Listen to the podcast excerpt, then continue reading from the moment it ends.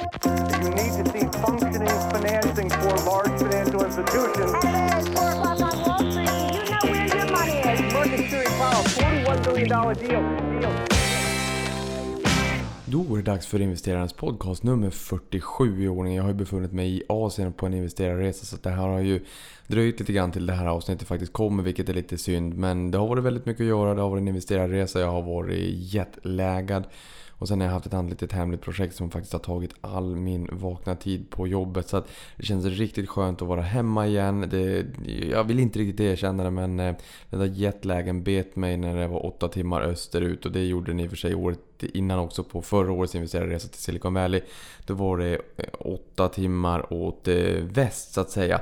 Men eh, nu är jag hemma igen, jetlagen har släppt och det är dags att uppdatera lite grann kring vad jag var med om där i Asien. I, när det var bestämt i Sydkorea, i Seoul till att börja med och sen så reste vi över till Hongkong innan vi begav oss hemåt igen. Och vi har ju fått uppleva ganska mycket. och Eh, även om det inte är, vi var ju ute på bolagsbesök och sådär men eh, det är ju svårt att investera i Sydkorea. Eh, man behöver lite tillstånd och sådär. Ehm, så att det, det jag tar med mig därifrån är mycket makroekonomi och vad som händer och vad man pratar om och den allmänna liksom, temperaturen där borta och handelskonflikten också som är på, på många släppar. Vad säger man där borta i Asien egentligen? Och är det så att det står samma tidningsrubriker där som vad det gör här hemma? Och är det så att bolagen säger samma sak? Så att li, lite grann så tar jag med mig. Men dessförinnan så kan vi väl säga att börsen sjönk i princip varenda dag under den här resan. Eh, så att det var skönt när man kom hem igen för då fick vi en liten rebound. Vi hade ju ett ganska jobbigt eh, facit för oktober månad.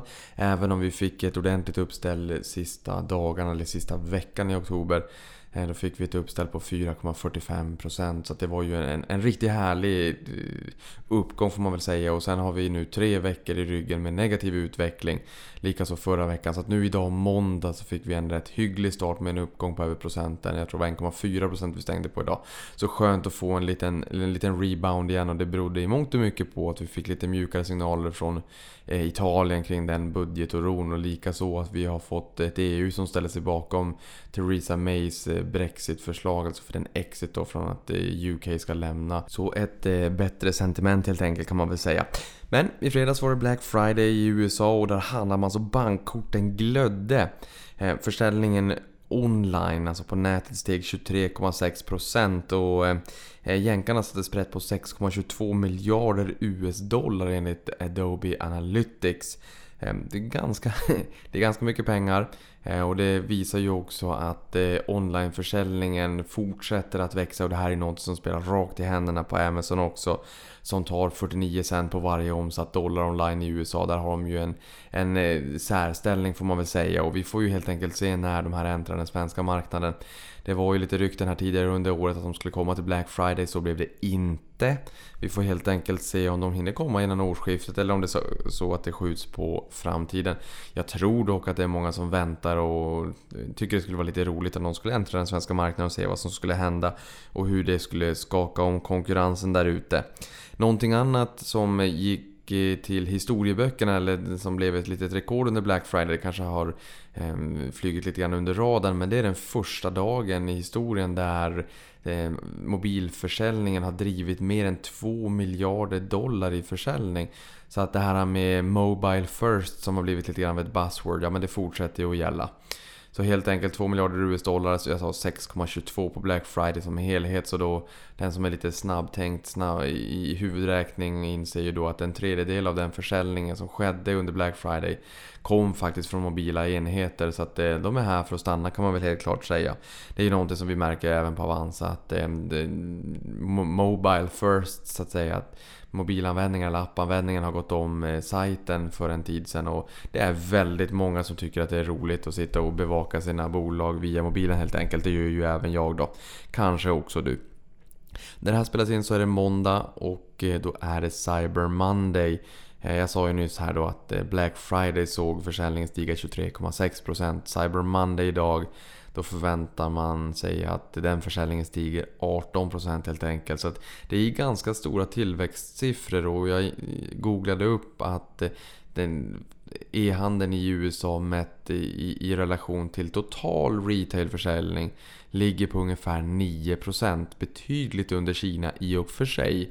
Eh, men man ska sätta det i liksom någon form av kontext. Så att onlineförsäljningen, inte tvåsiffrigt ännu, förväntas toppa på en 13,7% 2021-2022 där någonstans. Så att eh, e-handeln växer ganska mycket men det till trots så kan den fortsätta växa ganska mycket innan den utgör någon större andel av eh, totalförsäljning helt enkelt. Så att det är ju fördel vanligt traditionell hederlig retail än så länge, än ett tag i alla fall får man ju säga. Och nu kan man väl också säga att det har varit ganska skakigt på marknaden både oktober och november. November fortsätter att vara ganska skakigt. Det har varit en ganska sur utveckling under den här månaden i bjärt kontrast till 20-årssnittet som faktiskt är några procentenheter upp faktiskt. Det, det har varit en eh, ja, ganska skakig marknad och man kan väl säga som så här att vi är inne idag då på den 90 dagen efter det att vi har fått en, en etablerad topp den 29 augusti. Vi befinner oss fortfarande i korrektionsfas. Alltså, vi befinner oss alltså mer än 10% under toppen där i augusti helt enkelt. Eh, de här brukar inte vara jättelänge.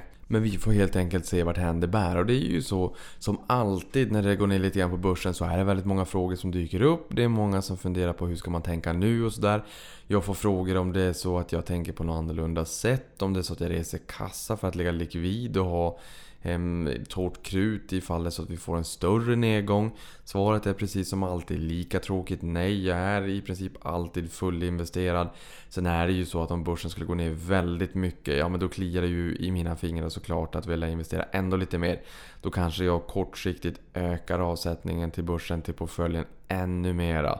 Jag har ju även en amorteringsportfölj och den skulle jag ju kunna mobilisera Eh, och likvidera helt enkelt för att gå in i marknaden i min långsiktiga portfölj. Antingen tillväxtportföljen, worldwide-portföljen eller kassaflödesportföljen. Alltså de större bolagen, de lite mindre tillväxtbolagen eller utländska bolag helt enkelt.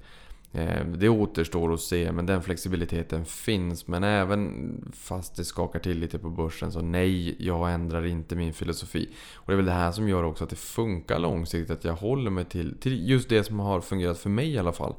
Ehm, som alltid, som jag brukar säga, det viktigaste är ju att man hittar sin egen filosofi och det som passar en själv. För det är ju trots allt ganska ensamt där ute eh, genom åren. Det är klart att Twitter och poddar och, och, och, även en och annan aktiepub här och var ganska trevligt när man kan träffa likasinnade och utbyta erfarenheter och idéer och kanske case och lite argument argumentation för ett eller annat bra bolag som man tycker sådär.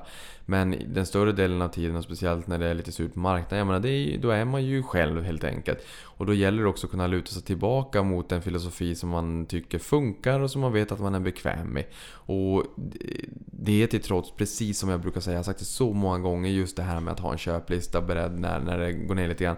Så jag ska inte gå in på det ytterligare en gång till, men det är bra att ha. Och har man även investeringsregler så är det också lättare att faktiskt bibehålla sin filosofi. Så att man vet och kanske har plitat ner någonstans lite grann hur man ska tänka vilken typ av bolag man får köpa, hur stora eller små de får vara, eh, hur stor andel ett enskilt bolag får utgöra av portföljen och sådär.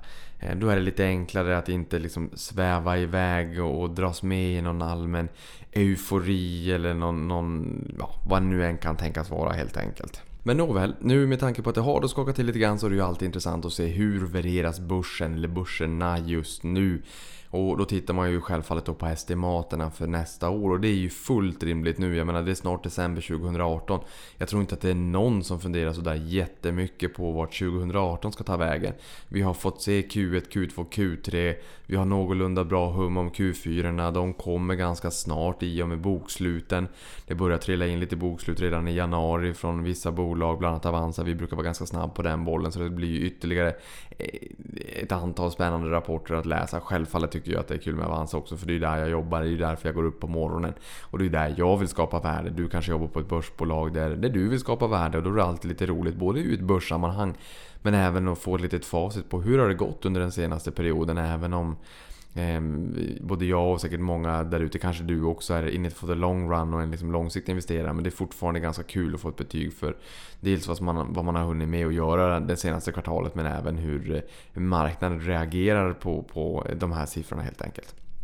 Men Ehm, tittar vi på börsen då, eller börserna sen den senaste nedgången så ser vi att Dow Jones Det är alltså blue chip-bolagen 30 till antalet i USA. Det är indexet som är äldst anno 1896 och egentligen mest exponerade för handelskonflikten. För det är ju många exportberoende bolag i det här indexet. Så ser vi att den handlas till 15,5 gånger för nästa år, alltså 2019. Alla blickar ju mot 2019 nu då.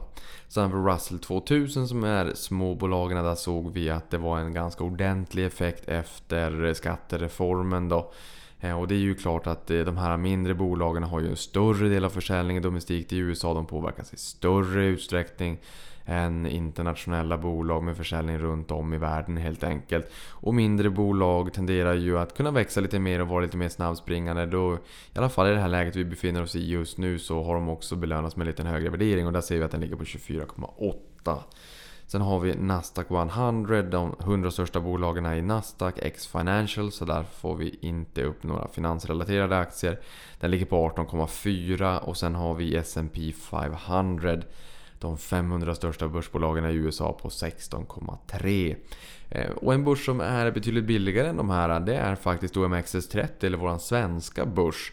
OMXS30 utgör ju ungefär 60% av eh, alla eh, börs, eller hela börs, det totala börsvärdet på Stockholmsbörsen helt enkelt.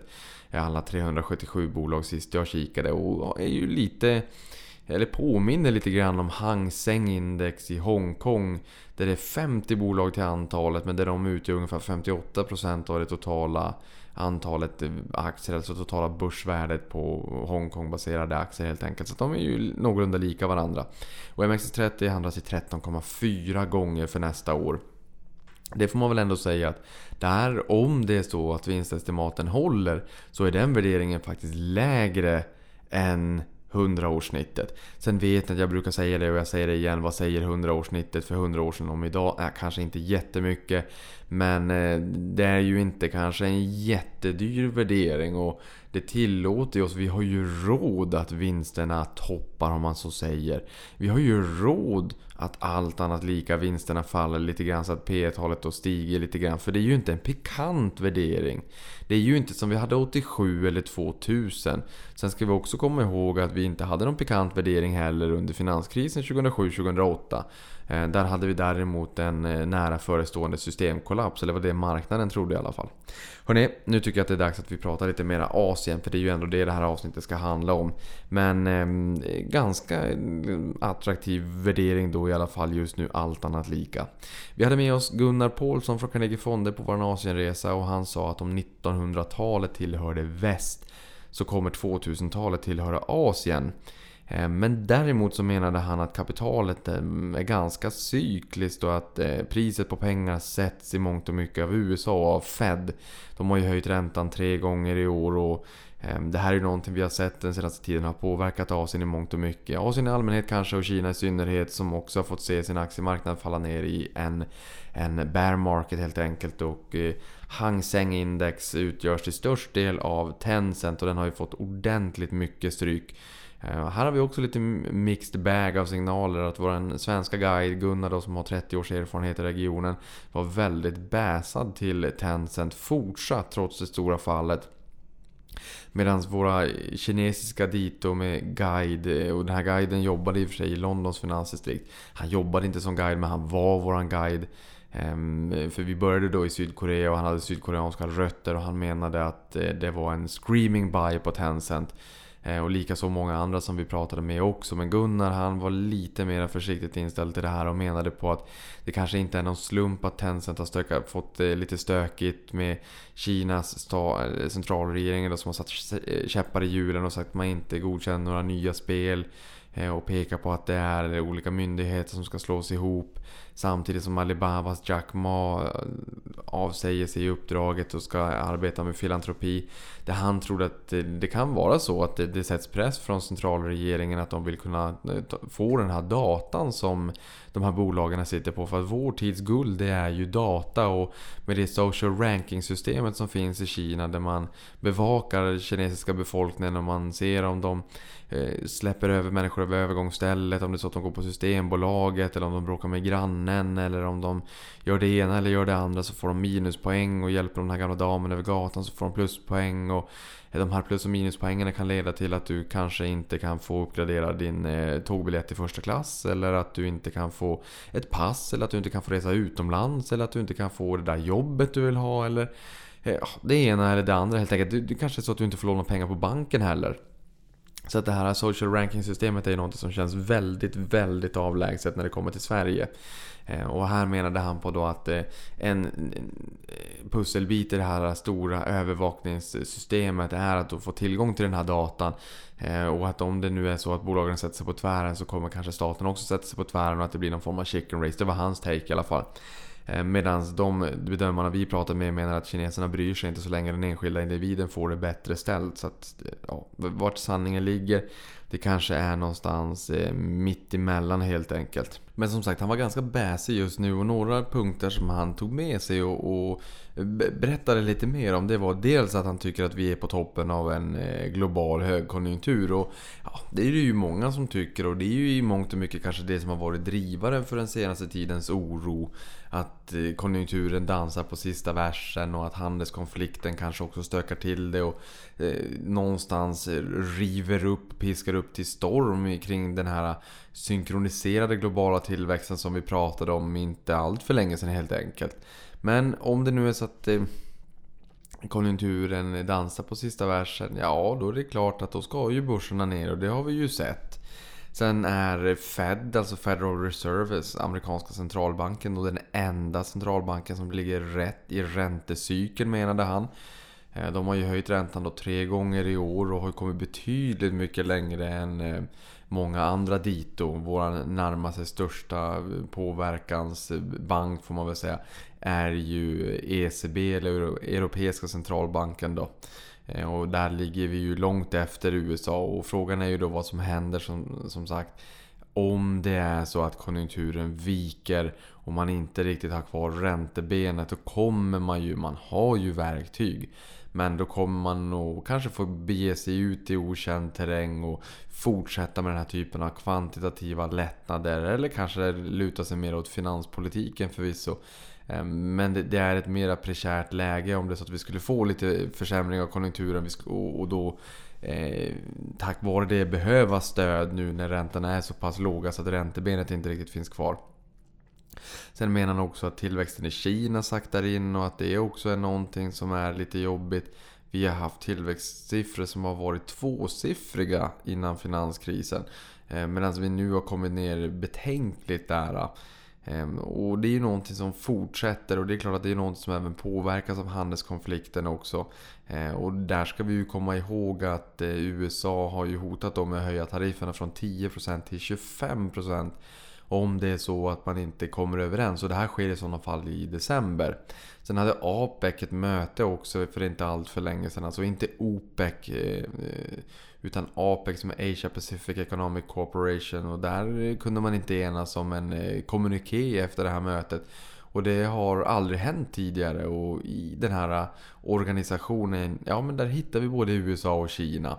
Och eh, som jag har förstått så har det här mötet också överskuggats just av handelskonflikten. Och det är en splittring och det visar väl på att splittringen kanske är fortsatt stor. Det är ju inte jättelänge sedan Donald Trump var ute och sa att man hade kommit överens eh, och var väldigt nära ett avtal varpå Vita huset dementerade varpå Donald Trump dementerade Vita husets dementi. Ehm, så det är ju lite spännande att följa Trump också. Det är faktiskt någonting som jag frågade om när vi var på ett bolagsbesök i eh, eh Hongkong. Och då frågade jag följer ni Twitterflödet? Och sa de, ja det gör vi. Eh, vi. Vi kan liksom inte göra någonting annat. Vi måste följa Twitterflödet helt enkelt. Vi, vi, det spelar liksom ingen roll vad vi vill. Vi måste följa det som skrivs för att det påverkar eh, marknaden helt enkelt.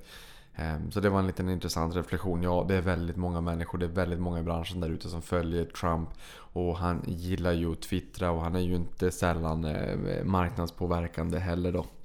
Sen har vi ju Kinas valuta också som har fallit ganska mycket och intressant här att den har fallit runt 10% och det är ungefär lika mycket som då tarifferna som eh, Donald Trump och USA har infört. Så att där kan man ju tycka att ja, de eh, är exponerade för tarifferna men eh, valutan har fallit ungefär lika mycket så att de har ju tagit ut varandra lite grann. Det till trots så har USA valt att inte peka ut Kina som en valutamanipulatör helt enkelt.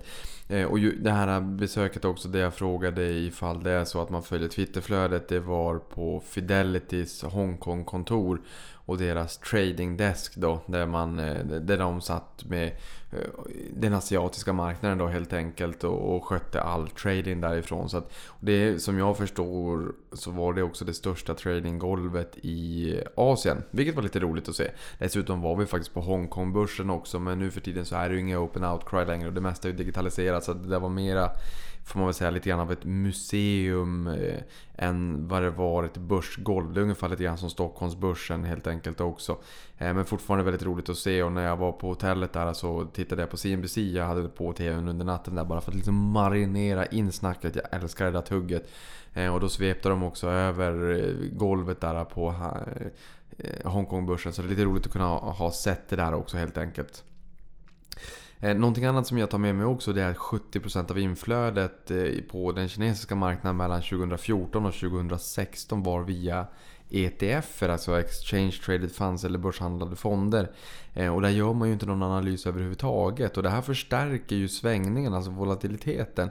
Och det här är något som Gunnar tyckte var mm, inte kanske jättebra att det har kommit in väldigt mycket passivt flöde som har tryckt upp kurser men som även har varit lättflyktigt kapital när det har svängt lite grann på marknaden vilket har gjort att det har blivit en lite, lite förstärkt volatilitet helt enkelt.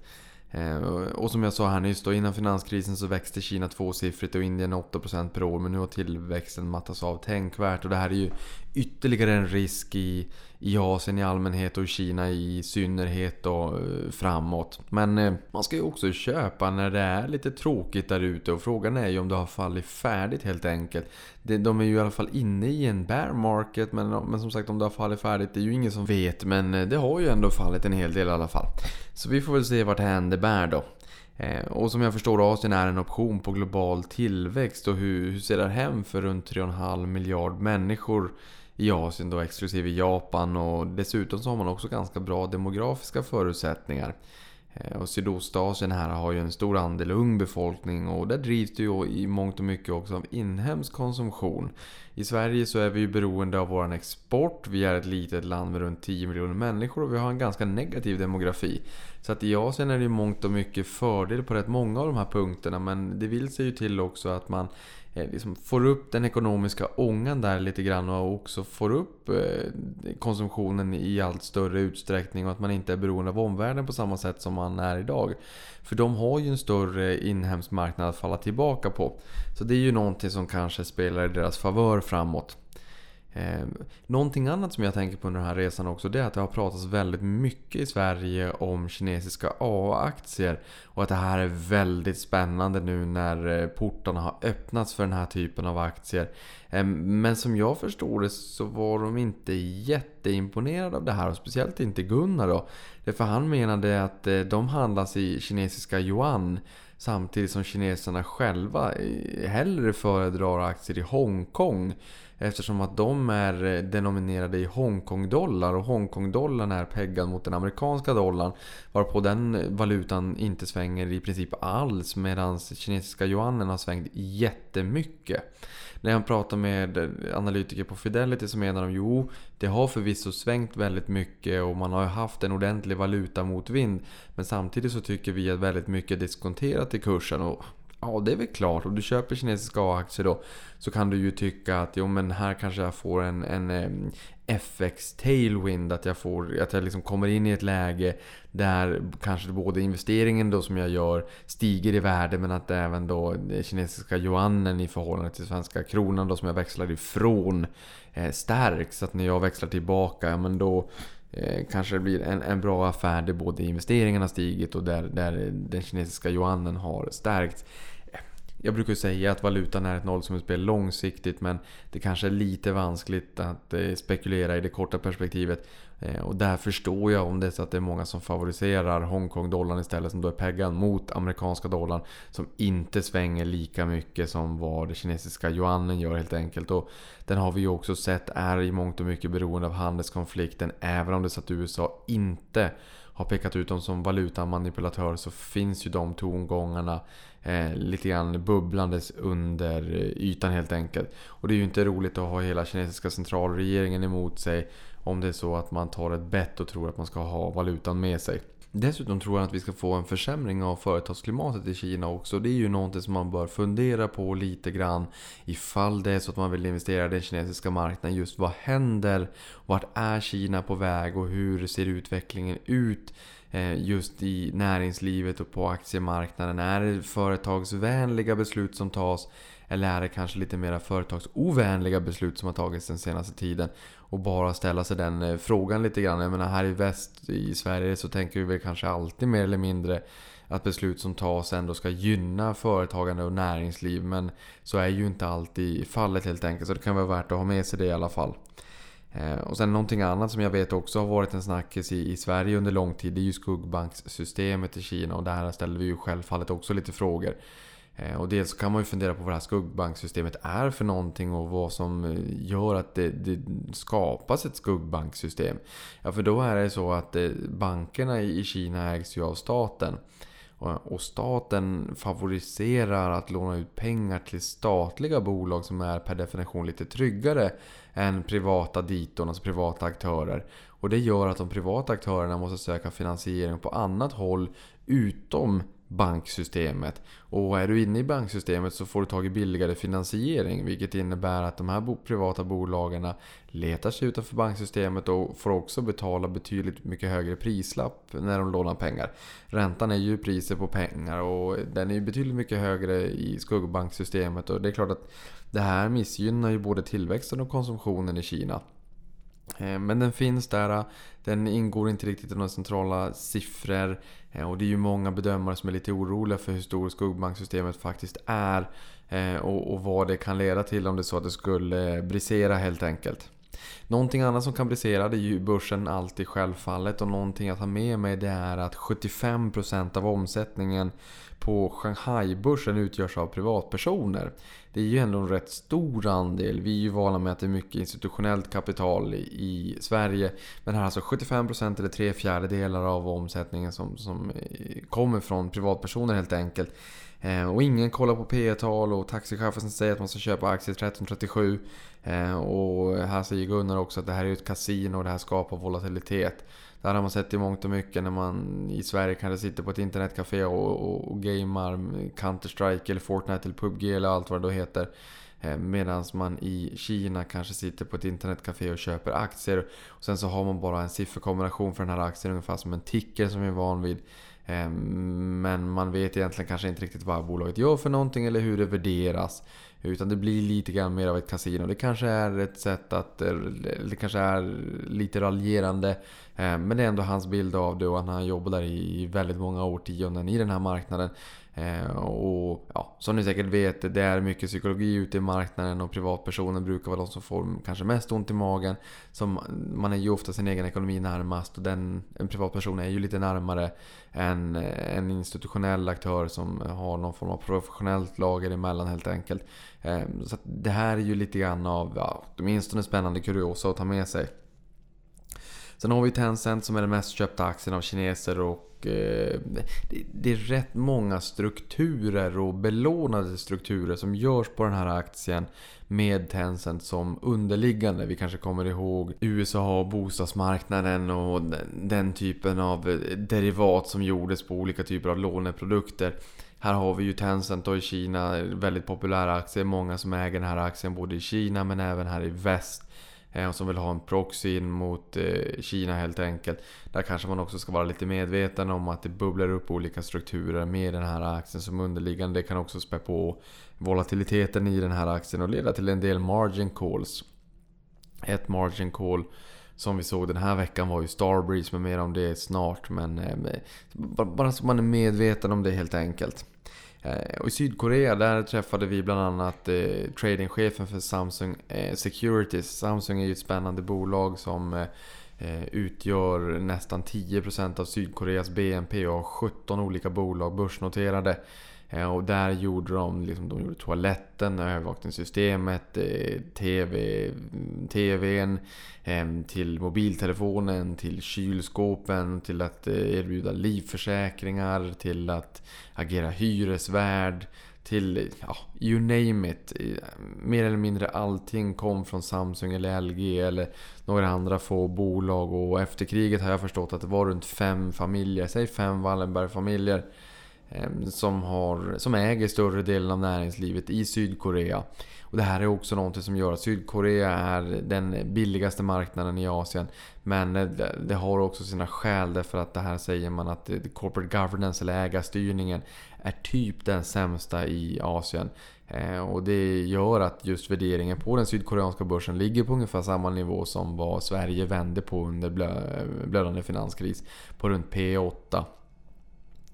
Ehm, men fortfarande intressant. Vi träffade tradingchefen alltså och han sa att dels att aktievinster inte beskattas överhuvudtaget.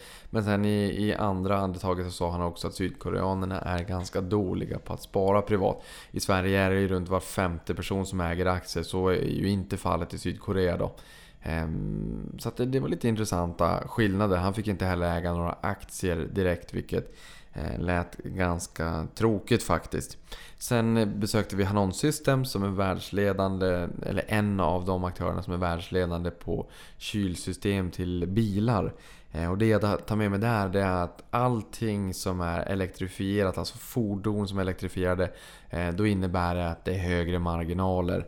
Om man hade en snittintjäning på ungefär 450-550 dollar i en vanlig bil Eh, Medan teknikvärdet, teknikinnehållet ligger på runt 1500 1700 dollar för en eh, elbil helt enkelt. Så att allt som har med el att göra, allt som är elektrifierat om man får lyssna till bolaget är eh, och innebär högre marginaler helt enkelt. Sen var vi på Koyang Technologies som är ett bolag eh, som eh, hjälper till i processen, tillverkningsprocessen av elektronik och, och modekort eller styrkort och, och kretskort helt enkelt.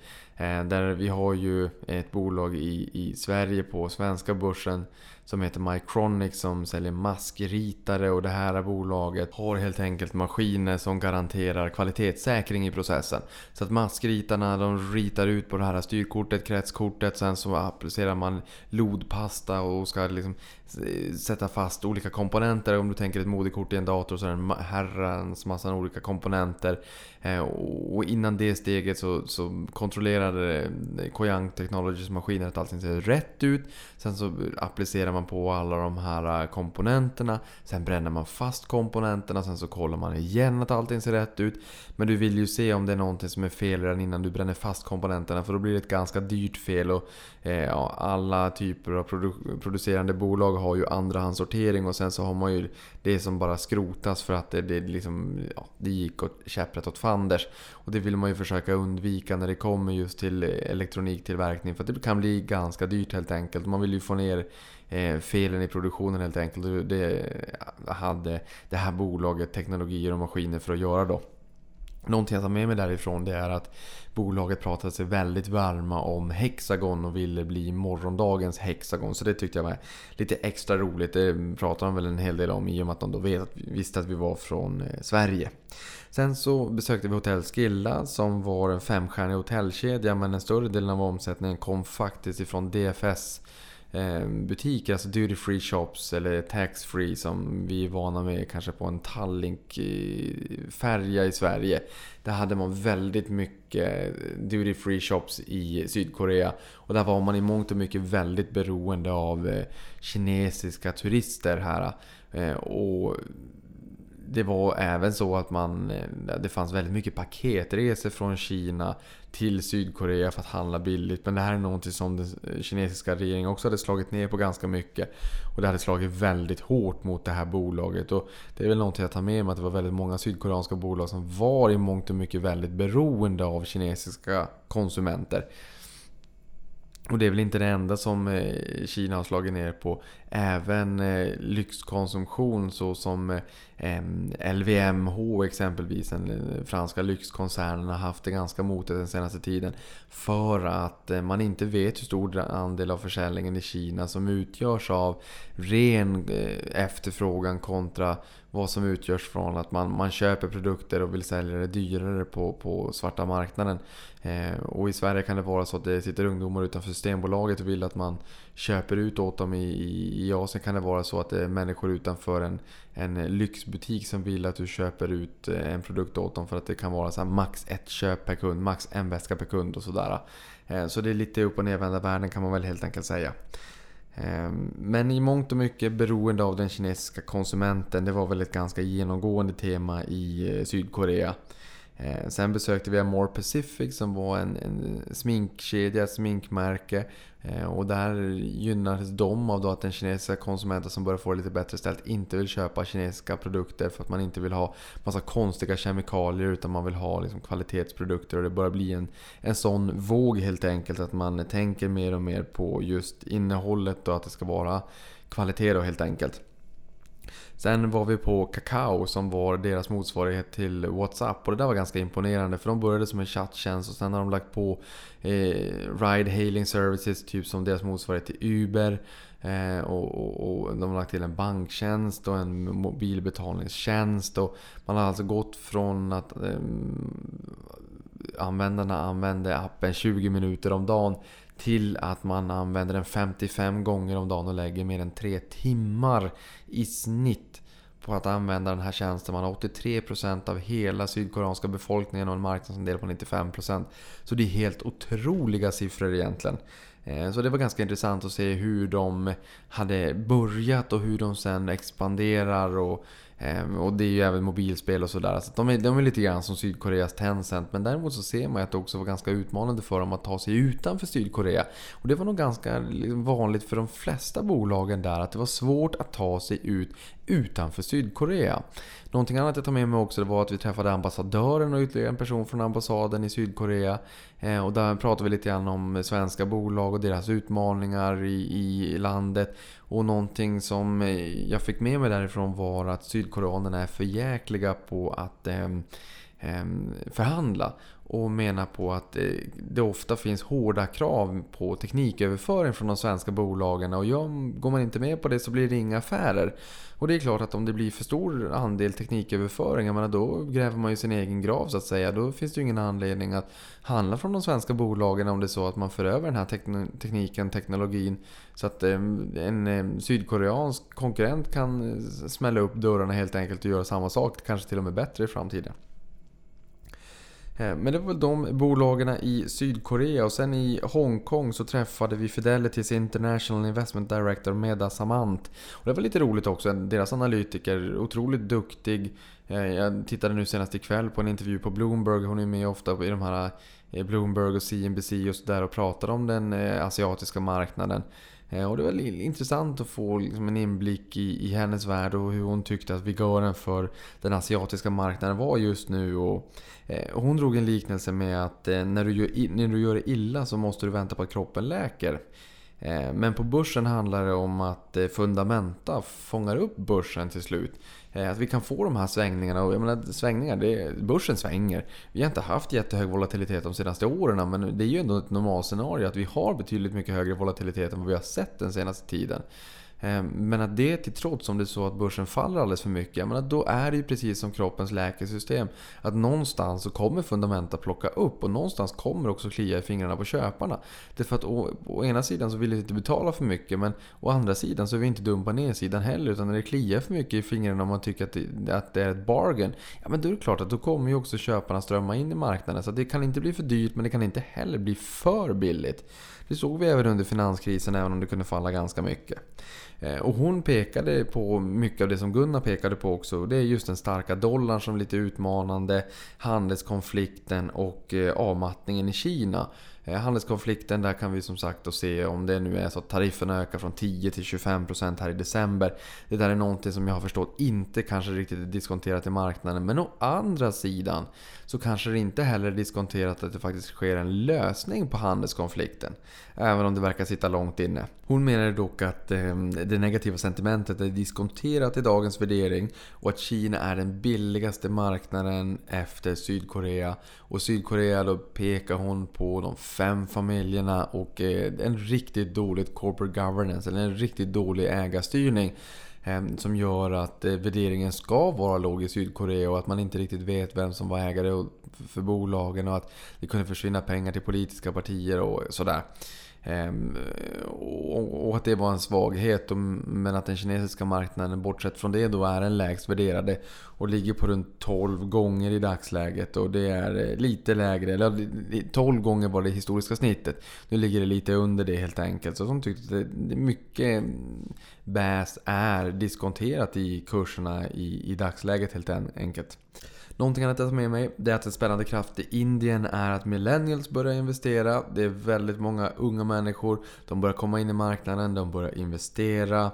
Ehm, sen har vi, om vi hoppar över till Kina igen, så har vi kinesiska försäkringsbolag som ska börja allokera mer kapital till aktiemarknaden. Och det här menade hon att att eh, det här kommer nog förmodligen leda till minskad volatilitet i marknaden. När man ökar likviditeten så bör det här också faktiskt eh, minska volatiliteten helt enkelt.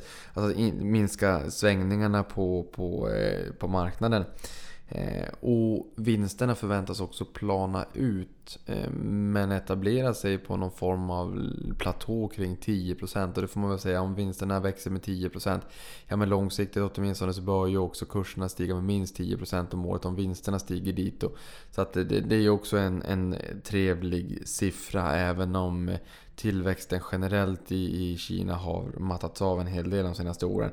För där ligger ju BNP-tillväxten nu på strax under 7% men säg 6-7% då. Eh, och där menar man att det är 60-70 punkters påverkan från handelskonflikten. Så det är ungefär 10% av BNP som skalas bort i värsta fall om det är så att vi får ett riktigt ett tråkigt utfall kring just den här handelskonflikten då. Någonting annat som jag också tar med mig är att många bolag har lämnat Kina för att söka sig till andra låglöneländer eh, och att förlägga sin produktion i. Men att vissa bolag faktiskt börjar flytta tillbaka produktionen till Kina. Därför att de ändå har blivit så pass duktiga när det kommer till kvalitetssäkring. Ehm, att eh, det ändå har ett visst värde och att vissa bolag känner det. Att vi kan inte garantera varken volymer eller kvalitet kanske från det här låglönelandet som vi nu har flyttat produktionen till. Så vi flyttar faktiskt tillbaka den till Kina. Det här gäller ju inte alla bolag, men tillräckligt många bolag för att hon skulle tycka att det var en ganska spännande trend som hon såg. Någonting annat hon sa också det är att man kan prata om den nya ekonomin och den gamla ekonomin i Kina. Och eh, Man ser ett enormt skifte i teknologi och att fintech och e-handel är stora trender i landet. Eh, och att Alibaba då har 75% av e-handeln i Kina. Eh, och att e-handeln utgör nästan 35% av all retailförsäljning. Och det här ska ju jämföras då med att Amazon har ungefär 49% marknadsandel i USA. Alltså 49% i USA kontra 75% för Alibaba i Kina. Eh, e-handeln utgör 35% av retail sales i Kina och samma siffra är ungefär 9% i USA. Så de har ju kommit väldigt långt i Kina. Det är mycket leapfrogging. Jag var inne på ett McDonalds. Där var det i princip bara betalning med mobila betalappar. Eh, Tenpay, Alipay eh, med flera, med flera, med flera. Eh, Octopus var också någon typ av version där man kunde liksom kombinera det här kortet när man åker i tunnelbanan med att betala i, Eh, i betal, glugga betalkiosker, typ som på McDonalds. Då. Men de allra flesta som jag såg betalade faktiskt med eh, mobilen. Eh, och man har kommit som sagt, man har kommit väldigt långt där. Och det är också så som jag förstår att de prisar in sig för att visa Mastercard med rörelsemarginalen norr om 60% har typ 2% totti när man handlar i, i, i butik. Medan de här digitala alternativen Ehm, från nya mobila eh, uppstickare de, de tar runt 50 punkter eller en halv procent. Så det är klart, då prisar man ju in sig också. Ehm, sen har konsumentpreferenserna i Kina också börjat förändras mot eh, livsmedel med starka varumärken. Och den här förändringen kommer faktiskt främst från mindre städer. Det tyckte jag också var lite intressant för att få se liksom gryende trender i Kina och vart det är på väg. Eh, och de har ju uttalat sagt att de ska också bli mer beroende av den inhemska konsumtionen. De har ju en stor inhemsk marknad att falla tillbaka på helt enkelt. Eh, och någonting annat, tech har varit i hetluften de senaste månaderna i och med techfrosten som har varit i USA. Eh, en spännande siffra där är att 2008 så utgjorde techsektorn 13% i Kina och nu är den 37%. I USA så var motsvarande siffror runt 15% 2008 eh, och den toppade på 26,4% ungefär i somras innan rotationen där som vi fick då helt enkelt. Så att det, Techsektorn är väldigt stor i eh, Kina och som jag har förstått de är duktigare på hårdvara. I väst i USA är de duktigare på mjukvara då helt enkelt. Eh, någonting annat som jag också tar med mig, jag tar med mig ganska mycket därifrån uppenbarligen. Men det är att vi fokuserar lite för mycket på tidningsrubriker i väst.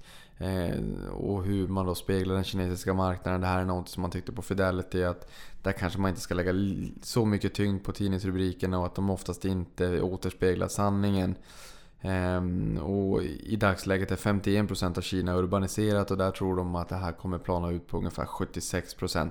Eh, och sen ett bolag också, Taiwan Semiconductor är ett eh, Best of Breed Company tydligen och det här är ju en, som jag förstod det, en no-brainer. Det här är ju också ett bolag som är eh, underleverantör till Apple bland annat.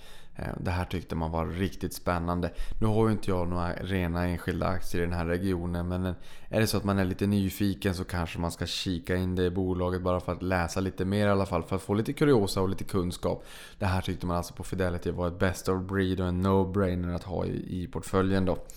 Ehm, och sist men inte minst, som jag sagt, ingen prisar in att vi får en lösning på handelskonflikten och sen ehm, så är det kineser mångt och mycket överallt när man är ute och reser men det är typ 6% av kineserna som har pass som jag har förstått det. Så att det vittnar ju någonstans om den enorma potentialen framåt, eh, inte minst inom reseindustrin som borde ehm, förändras ordentligt eh, de kommande åren eller kanske till och med årtiondena då. Men hörni, nu är det dags för ett nyhetssvep. Nu börjar jag bli lite långrandig. Då vill jag börja med att säga att Apple har tappat sin prestigefulla titel som världens högst värderade börsbolag efter den senaste tidens motvind. Eh, och marknaden ogillade ju starkt att man ska sluta redovisa enhetsförsäljningen och aktien har fallit 25% sen toppen.